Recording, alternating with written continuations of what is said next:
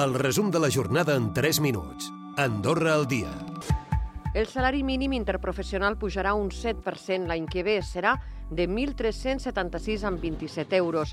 Així ho ha comunicat la ministra Conxita Marsol al Consell Econòmic i Social, tot dient que era un increment important. Per la seva banda, els sindicats no ho consideren suficient. Escoltem el secretari general de la Unió Sindical, Gabriel Ubach és completament insuficient en un país eh, on l'especulació immobiliària està tan alta com està avui en dia.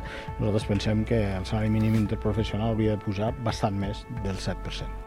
Una opinió que no comparteix el director general de la CEA, Iago Andreu la pujada és una, mica, és una mica intensa. Tot i així, mm, jo crec que no és una qüestió de discutir la xifra concreta, al final és una potestat del govern i, per tant, doncs, eh, doncs ja està bé si s'ha decidit així.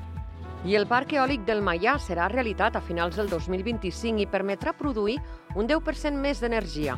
Això farà que el país n'hagi d'importar menys i que, per tant, sigui menys dependent dels preus de mercat. Escoltem el secretari d'Estat de Transició Energètica, David Forner.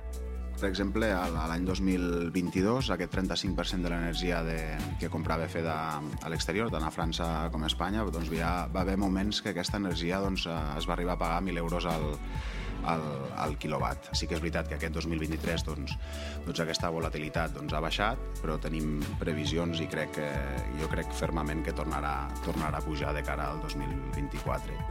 88.008 4 millones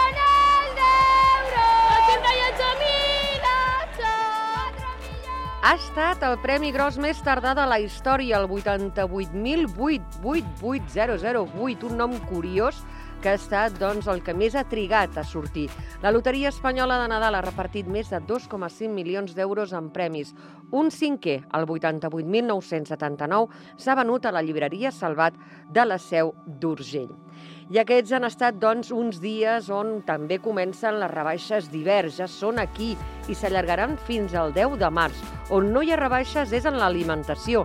Les compres dels àpats de Nadal suposen una despesa extra per molts compradors. Escoltem-los compro pel cap de setmana, dissabte vindré a fer la compra grossa de menjar.